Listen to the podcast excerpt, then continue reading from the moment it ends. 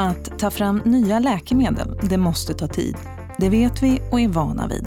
Men under pandemin har det visat sig att det visst går att snabba på processen. Genom ökat samarbete mellan aktörerna och påskyndande i alla delar har vaccin kunnat tas fram på rekordfart.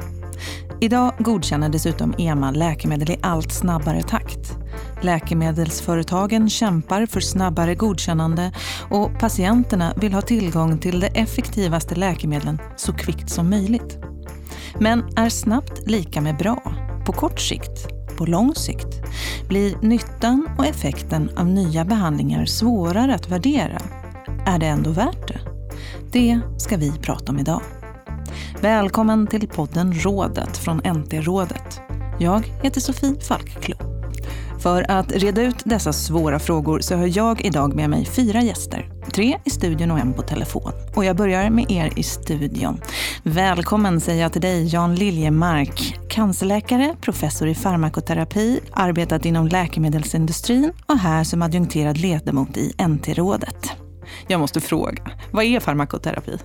Oh, det är läkemedelsanvändning helt gott, kort och gott. Ah, tack så mycket. Vi har också Kenneth Willman här, överläkare i onkologi på Universitetssjukhuset i Örebro. Du är också ordförande i nationell arbetsgrupp för cancerläkemedel, NAC, och adjunkterad ledamot till NT-rådet när det gäller just cancerläkemedel. Vad är enligt dig mest intressant inom det området? Ja, alltså det intressanta det är ju det som är det största som har hänt under min, mina 30 år inom onkologi och det är ju introduktion av immunterapi. Spännande. Och sist men inte minst, välkommen till dig Kristina Dunder.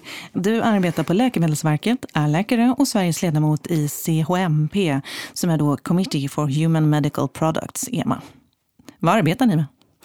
Vi arbetar med många saker, men framför allt med att bereda godkännanden av nya läkemedel. Och jag säger bereda för att det är egentligen Europakommissionen som eh, tar beslutet. Men vi gör utredningarna och bedömer om ett lä nytt läkemedel kan godkännas eller inte. Ett viktigt arbete. Jag inledde med att beskriva pandemin som en motor som skyndat på processen för att få nya läkemedel att nå patienter. Jan, vad tänker du om det? Ja, så den här frågan är mycket äldre än så. Man har ju velat godkänna läkemedel tidigare, snabbare till patienter, som sagt, snabbare till marknaden under många år nu. Men pandemin har ju visat att det också går att ta fram läkemedel mycket snabbare. Alltså hela utvecklingsprocessen har ju varit oerhört snabb här. Så att jag tror att många har lärt sig och vi kommer nog att se en eh, snabbare tidigare tillgång till läkemedel framöver. Främst på grund av det, men det finns säkert också tidsvinster att eh, göra inom den regulatoriska verksamheten som Kristina jobbar i och även i det som Kenneth och jag jobbar med, hur man sen tar reda på om läkemedlen är kostnadseffektiva och ska prioriteras för användning eller inte. Vad har vi lärt oss av pandemin, Kenneth? Att man gör väldigt olika i olika länder.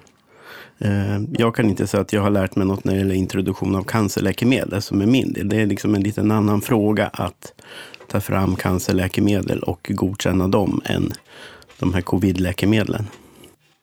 Eh, jag tänker gå tillbaka till dig Jan, där, det du nämnde. När vi pratar om erfarenheter och skynda på tillgången till effektiva läkemedel. Har det redan implementerats? Vad, vad, eller vad händer nu? Vad kan vi ta med oss? Mm. Ja, jag skulle nästan vilja skicka den frågan vidare till Kristina. Men att... låt oss! Ja. från, från godkännandesidan, då, där jag, som jag får representera här idag, så tror jag man måste komma ihåg att det sättet som vi har godkänt vaccinerna på, det sättet vi har utrett de läkemedlen på, är ett lite annorlunda, en väldigt speciell situation mm. än vad vi gör i vanliga fall. Det tror jag man ska ha med sig och vilket har varit helt befogat såklart i den här situationen. I vanliga fall så arbetar vi enligt tidtabeller. Företag skickar in sina data, sen har vi en viss tid på oss att utreda dem och så förlöper det här under eh, sammanlagt 210 dagar är det sagt att det ska ta i aktiv tid. Mm. Så att det blir en slags förutsägbar process.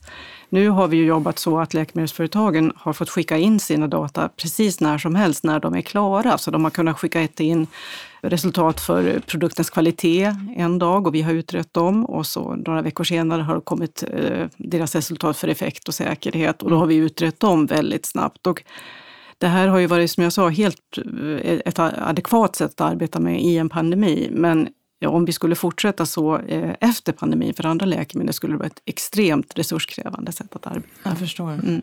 Men redan tidigare så har man jobbat mycket med sådana här stegvis godkännande, villkorade godkännanden, mm. accelererade processer och så vidare. Särskilt för läkemedel som man verkligen tror att de här kan göra skillnad för patienter. Och det arbetssättet kommer väl att fortsätta antar jag. Absolut, det är väl absolut. lite grann det som har fördelar men också kanske lite nackdelar. Det, det, alltså det, det, visst, vi är ju så att vi har haft mekanismer för detta som du säger redan tidigare. Eh, villkorat godkännande och framförallt accelererat godkännande. Men det är fortfarande procedurer som har sina tidtabeller och som är förutsägbara och som vi vet vad som kommer att hända och vi vet hur lång tid det kommer att ta ungefär. Det är ju redan så att man godkänner läkemedel på det man kallar för surrogat endpoints. Alltså inte de här hårda liksom, resultaten av studier vad gäller överlevnad mm. eller livskvalitet. Utan man kanske värderar på hur bra man svarar på en behandling. Det vill säga det är ganska vanligt vid bröstcancer att man ger cytostatika innan operation. Och så värderar man om man har cancer kvar vid operation. Och så anser man då att det resultatet, det kan man överföra till överlevnad, det vill säga de patienterna har bra nytta och överlever. Mm. Och det har vi ju haft Jan diskussioner i NT-rådet om hur valid är den här endpointen? Kan man verkligen säga att det här läkemedlet kommer att leva upp till de här förväntningarna och mm. antaganden? Mm. Vilket betyder att om, om man då godkänner snabbare, vad innebär det då för utvärderingen? Ja, det innebär ju då att när man väl får långtidsdata så visar det sig att nej, man hade ingen överlevnadsvinst i den här gruppen som fick det här läkemedlet. Men då är det ju så att vi, när vi godkänner på det du kallar surrogatmarkörer, vilket ju är så, markörer för en nytta som kommer att visa sig senare kan man säga, så, så utvärderar vi ju de markörerna väldigt noga om vi kan, hur pass trovärdiga de är och vilken data det finns. Så vi, tar ju inte, vi godkänner ju inte på vilken typ av markör som helst.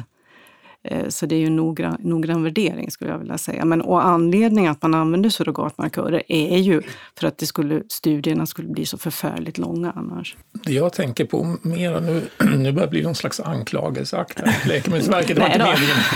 Men, det är ingen fara, kör ja, på. nej, men, nej, men det jag tänker på är mera de här eh, läkemedel som godkänns på studier där man inte har någon kontrollgrupp ens. Mm. Eh, för man tycker att ja, men det här var ju jättebra och vi behöver ingen kontroll, vi kan godkänna redan nu och så kanske man hoppas på att det kommer studier framöver och det kanske det gör eller kanske inte. Då kan man säga att ja, de läkemedlen de kanske ska godkännas därför att nyttan är så tydlig så att det överväger de små risker som finns med behandlingen. Men när det kommer på vårt bord då, så ska vi försöka kvantifiera den här nyttan, se hur bra är det? Är det värt de pengarna det kostar? Och då hamnar vi direkt i problem, för att det är väldigt svårt att utan en kontrollgrupp veta hur mycket nytta gör det här läkemedlet. Mm. Jo, men det, vi är ju helt medvetna om, då, om den problematiken och diskuterar det väldigt mycket också. Men, och sådana här studier utan kontrollarmar, det, ett godkännande baserat på det är ju, skulle jag vilja säga, nästan bara inom onkologin. Och där man då känner att här skulle det inte Eh, eh, eh, det här effekten vi ser kan bara vara orsakad av läkemedlet. Det kan inte vara någonting annat i princip. Man kan inte förvänta sig den här effekten av någon annan omständighet och därför tycker man att man kan godkänna. Men jag förstår problematiken med magnituden av effekten när man sen ska värdera det. Ja, jag tänker bara kommentera där att jag är ju inte bara liksom någon slags läkemedelsbyråkrat som ska få ha till uppgift att säga nej för saker är för dyrt, utan jag är ju faktiskt doktor fortfarande. Där vill man ju inget annat än man vill ha tillgång till de här nya läkemedlen som man kanske har deltagit i studier och som absolut är lovande, även om de finala data inte finns. Ja, vad säger du? Blir nyttan och effekten av nya behandlingar svårare att värdera? Ja, alltså storleken på nyttan. Och, ja. och det är det som är liksom kritiskt för vår del. Då. Och eh, därför undrar jag lite, en fråga senare till Johan då, alltså är det bra för läkemedelsindustrin att man godkänner på så, så att säga, skrala data som funkar i själva godkännandet, men inte sen när det gäller eh, om man ska använda det i praktiken, om man ska betala för det. För då, då blir det ju lätt att man hamnar i att nej, det här kan vi inte betala för, därför att det, vi vet inte. Det sannolikt kan vara alldeles för dyrt för den nyttan som det gör. Ehm, det vore ju bättre för läkemedelsindustrin om man då avtvingade data som visar på den här storleken av nyttan så att det går att även använda i praktiken. Vet du vad, jag har precis den frågan också. Inte, inte lika välutvecklad som din, men just därför så tänker jag att då tar vi in Johan. För då gör vi så här. Vi talar med Johan Kristensson som efter 14 år som forskare och läkare gick över till läkemedelsindustrin och därefter blev det ännu ett byte och nu är han partner på Venture Capital-bolaget HealthCap som i huvudsak investerar i life science. Hej Johan, härligt att du kunde vara med. Hejsan! Jag tänker innan jag ställer den frågan som, som Jan ställer, så undrar jag, vad är ett venture capital-bolag? Eh, det är ett bolag som investerar, i vårt fall eftersom det är life science, i unga tidiga bolag. Det kan vara att vi startar bolag eller väldigt unga tidiga bolag. Och vi hjälper de här bolagen att ta in kapital, att driva strategi och se till att det här faktiskt blir ett, eh, en produkt som kommer patienten till nytta. Vi pratade om en införandeprocess som har skyndats på och från din horisont, är det bara jubel från läkemedelsbolagen? Lite av halleluja-stämning blev det ju och det, det råder nog lite halleluja fortfarande. Och det positiva som driver just halleluja-stämningen är väl eh, några saker som är väldigt viktiga att poängtera. Det ena visar ju tydligt hur långt medicinsk forskning har kommit och att tillgången på nya teknologier nu är fullt tillämpbara. Jag tycker också visar väldigt tydligt på betydelsen av globalt samarbete och den transparens eller betydelsen av transparens som råder inom medicinsk forskning när man publicerar nya rön vilket leder till att det finns en bred kunskap brett kring var forskningen befinner sig.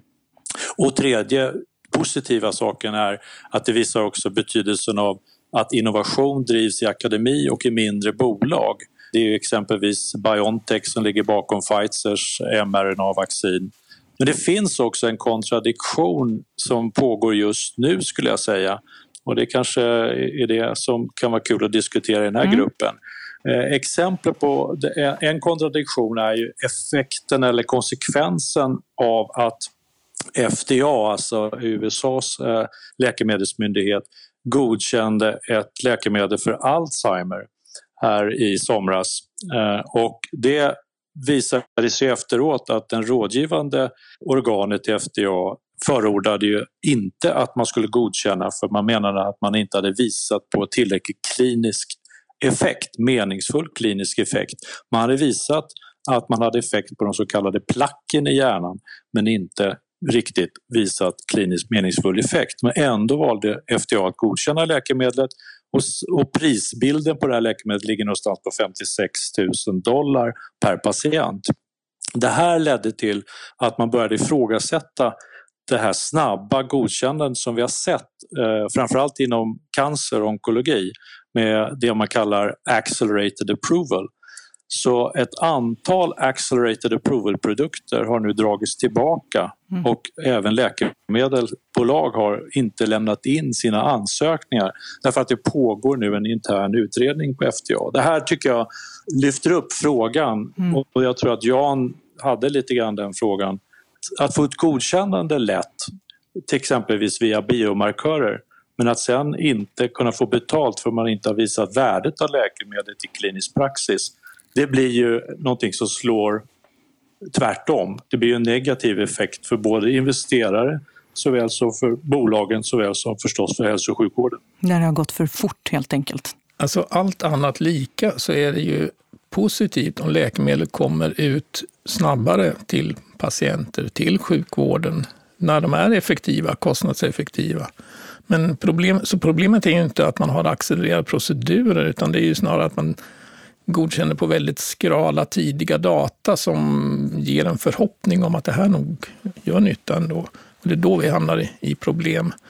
Och det här som du sa förut, att vi kan inte fortsätta att godkänna läkemedel på samma sätt som covid-läkemedel, så här liksom flytande mm. eh, process. Men har man inte haft det tidigare också i viss mån? Jag vet ju, läkemedelsföretagen skickar in sin file och sen tittar ni på den och så får de tillbaka massa frågor, bland annat, ja men här har ni ju inga överlevnadsdata, de är alldeles för omogna. Och då, surprise, surprise, så har ju företagen fått fram det under den här tiden som första assessment tog. Så att lite grann så har det varit ändå att det kommer till nya data under proceduren som gör att det sen blir godkänt. Det, det, visst är det så, men de procedurerna som vi har haft nu är sådana procedurer, alltså för vacciner, där vi, vi har haft utredare standing by, alltså så de har tagit tag i det på en gång. Så fort ett företag kommer in med svar eller med data så har man utrett det så fort det bara går och skickat tillbaka till företaget. De andra procedur, vanliga procedurerna, då har vi våra tidtabeller. Vi har till exempel 80 dagar på oss att utreda eller i en annan runda har vi 30 dagar på oss. Så, så att det går att eh, styra arbetet och det finns en, man kan förutse vad som kommer att hända. Johan, vad efterfrågar läkemedelsbolagen i den här diskussionen? för att vi ska känna oss trygga och då, då talar läkemedelsbolagen i de stora bolagen. Jag representerar kanske mindre, de mindre bolagen men det blir liknande frågeställningar nämligen innan man investerar i ett utvecklingsprojekt som man vet tar två till tre till fyra till fem år, nu talar jag bara om de kliniska prövningarna, och man vet vad det är för kostnad så måste man kunna räkna hem den kostnaden och då måste man vara väldigt tydlig och säker och överens om vilka endpoints är det som man definierar i de här kliniska studierna. Jag tänker till exempel, du sa Jan, överlevnad, det är typiskt sånt i onkologi där man har en endpoint som heter PFS, det vill säga hur lång tid under studien har du Eh, lever du utan att ha nya symptom. Men sen finns det det som är overall survival, vilket är mycket viktigare förstås för patient och sjukvården. Hur länge lever du och vilken kvalitet har du under den tid du överlever? Och då måste man veta, finns det en koppling mellan den här primary endpoint, PFS, och overall survival? Men är det inte validerat i den här indikationen, då tycker inte jag att man ska acceptera den primary endpointen för ett godkännande innan man är säker på att vi är överens. Mm. Det var en lång utläggning men jag tror att det här tycker jag är nyckeln ligger i för den frågeställning som vi på alla plan måste lägga jättemycket mer krut på. Jag tänker ju när det gäller, alltså inte surrogat endpoints, utan den hårda endpointen, alltså överlevnad eller overall survival. När det gäller då immunterapi som ju har liksom helt och hållet förändrat onkologin, inte när det gäller hematologi, men en alltså solida tumörer, där är det ju inte så att medianöverlevnad, som är det liksom etablerade begreppet för att jämföra två olika behandlingar, helt och hållet speglar sanningen, utan det är ju så att en undergrupp av patienter som får en väldigt stor nytta. Och det ser man inte förrän över lång tid.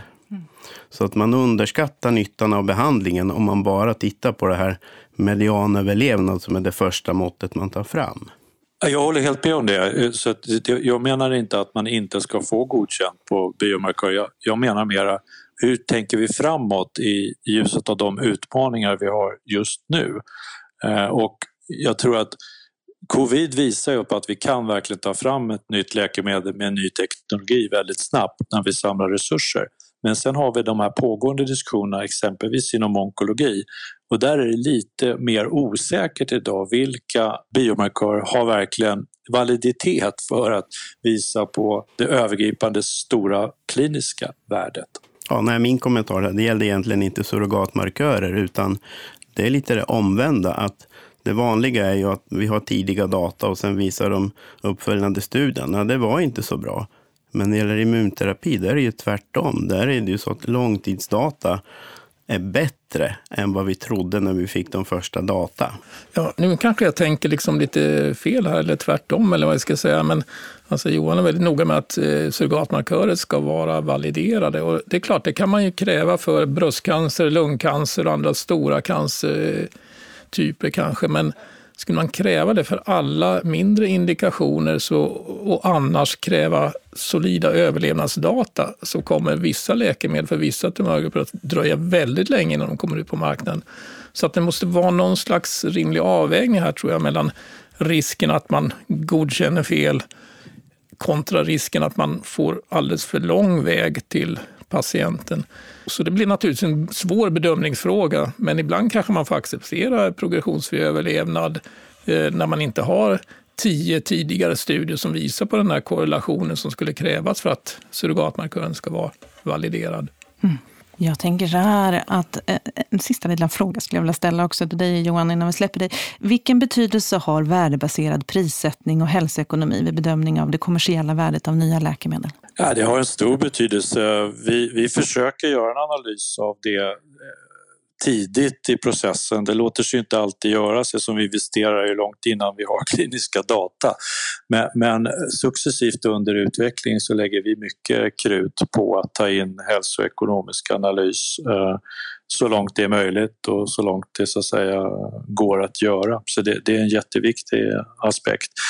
Bara ett tillägg där till Jans kommentar. Jag menade inte att man ska eh, bromsa läkemedelsutvecklingen genom att bara titta på overall survival. Det jag menade var att faktiskt tvärtom, för de fallen vi, jag nämnde här där man har tag, lyft fram, man har lyckats på sin primary endpoint som då är progressionsfritt eh, överlevnad till exempel och sen har man ändå inte fått godkänt så har det just varit därför att man inte vill släppa igenom på grund av en övergripande överlevnadsaspekt. Men eftersom studien inte har varit designad för att visa på power där så har det varit omöjligt. Och det leder till en, en väldigt jobbig situation och osäkerhet om och huruvida man faktiskt kan få ta fram läkemedel på basen av de här eh, markörerna. Och då menar jag att då är det viktigt att vi är överens om att den här markören har ett så pass stort värde man ska kunna låta läkemedlet bli godkänt och sen har man uppföljande studier för att säkerställa att läkemedlet gör den nytta den är tänkt att göra. Så att där tror jag vi är överens. Mm. Nej, jag tänkte bara skulle tillägga, det, det, det, känner ni säkert till, men e, en stor del av vår verksamhet är ju också att ge rådgivning till läkemedelsföretag. E, vi har, ger flera, e, stort antal rådgivningar varje månad från CONP och det är ju en väldigt bra väg framåt för att komma överens om vad är den relevanta eh, det relevanta utfallsmåttet just för den här, de här studierna som, som ett företag planerar. Och där kan vi också ge något som, det blir väldigt mycket svengelska här eftersom det är ett EU-sammanhang, jag kan inte hjälpa det riktigt, men vi har något som heter Qualification Advice eller Qualification Opinion där företag kan söka råd just vad gäller nya biomarkörer och få ett slags kvitto på att ja, vi accepterar de här biomarkörerna och kom, då komma in med argument att de här är relevanta för eh, mer kliniskt relevanta utfallsmått senare. Ja, eh, jag skulle vilja be Johan att utveckla lite den här frågan som du ställde om värdebaserad prissättning mm. och hälsoekonomins betydelse och så vidare.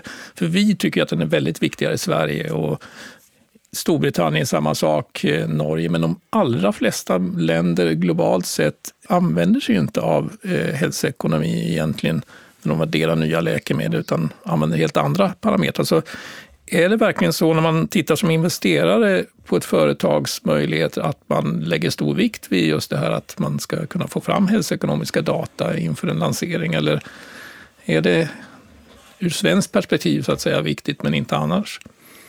Nej, jag skulle nog... Det, det, är en väldigt bra fråga för du har helt rätt i att det ser lite olika ut och eh, vi i min business då, så när vi investerar i ett bolag så är det ju aldrig för att utveckla en produkt oavsett om det är en medicinsk-teknisk produkt eller läkemedel eh, enbart för en lokal marknad utan det är en global produktlansering vi talar om från dag ett.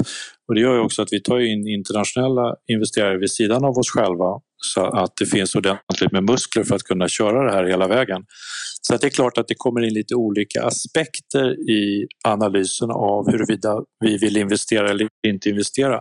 Men vi på HealthCap lägger alltid in där som en viktig parameter oavsett om det är ett svenskt bolag eller ett amerikanskt bolag.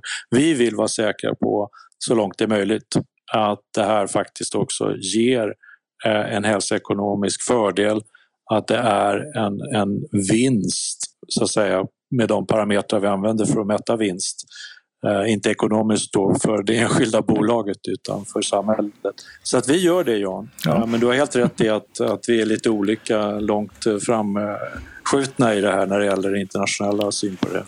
Härligt. Och det med det så ska jag tacka dig för deltagandet Johan. Tack snälla du. Tack själva. Jag såg att du reagerade där lite grann, Kenneth, på något. Får jag höra? Nej, men det är ju så att alltså, alla nya cancerläkemedel i princip, de är ju helt orimligt prissatta. Och att jag kan säga att det är orimligt, det är ju att nyintroduktion av läkemedel, det leder ju till att det här NT-rådet finns. Mm. Och det betyder att vi har ett listpris och så har vi ett framförhandlat pris som är det vi betalar, som är hemligt. Och det betyder att vi kan inte föra den här öppna debatten med våra ja, politiker eller de som bestämmer, för det här är hemliga rabatter. Och det är inte småpengar. Det är så mycket som man kan inte säga att när vi, vi kan inte acceptera hemliga rabatter, för det är så mycket pengar. Det är ju det stora problemet. Vi kan liksom inte kommunicera öppet om vad kostar nya cancerläkemedel. Finns det någon lösning på det? Ja, det är ju att läkemedelsbolagen prissätter läkemedlen rimligt från början. För uppenbart så kan de ju sänka priset med många procent och ändå tjäna pengar.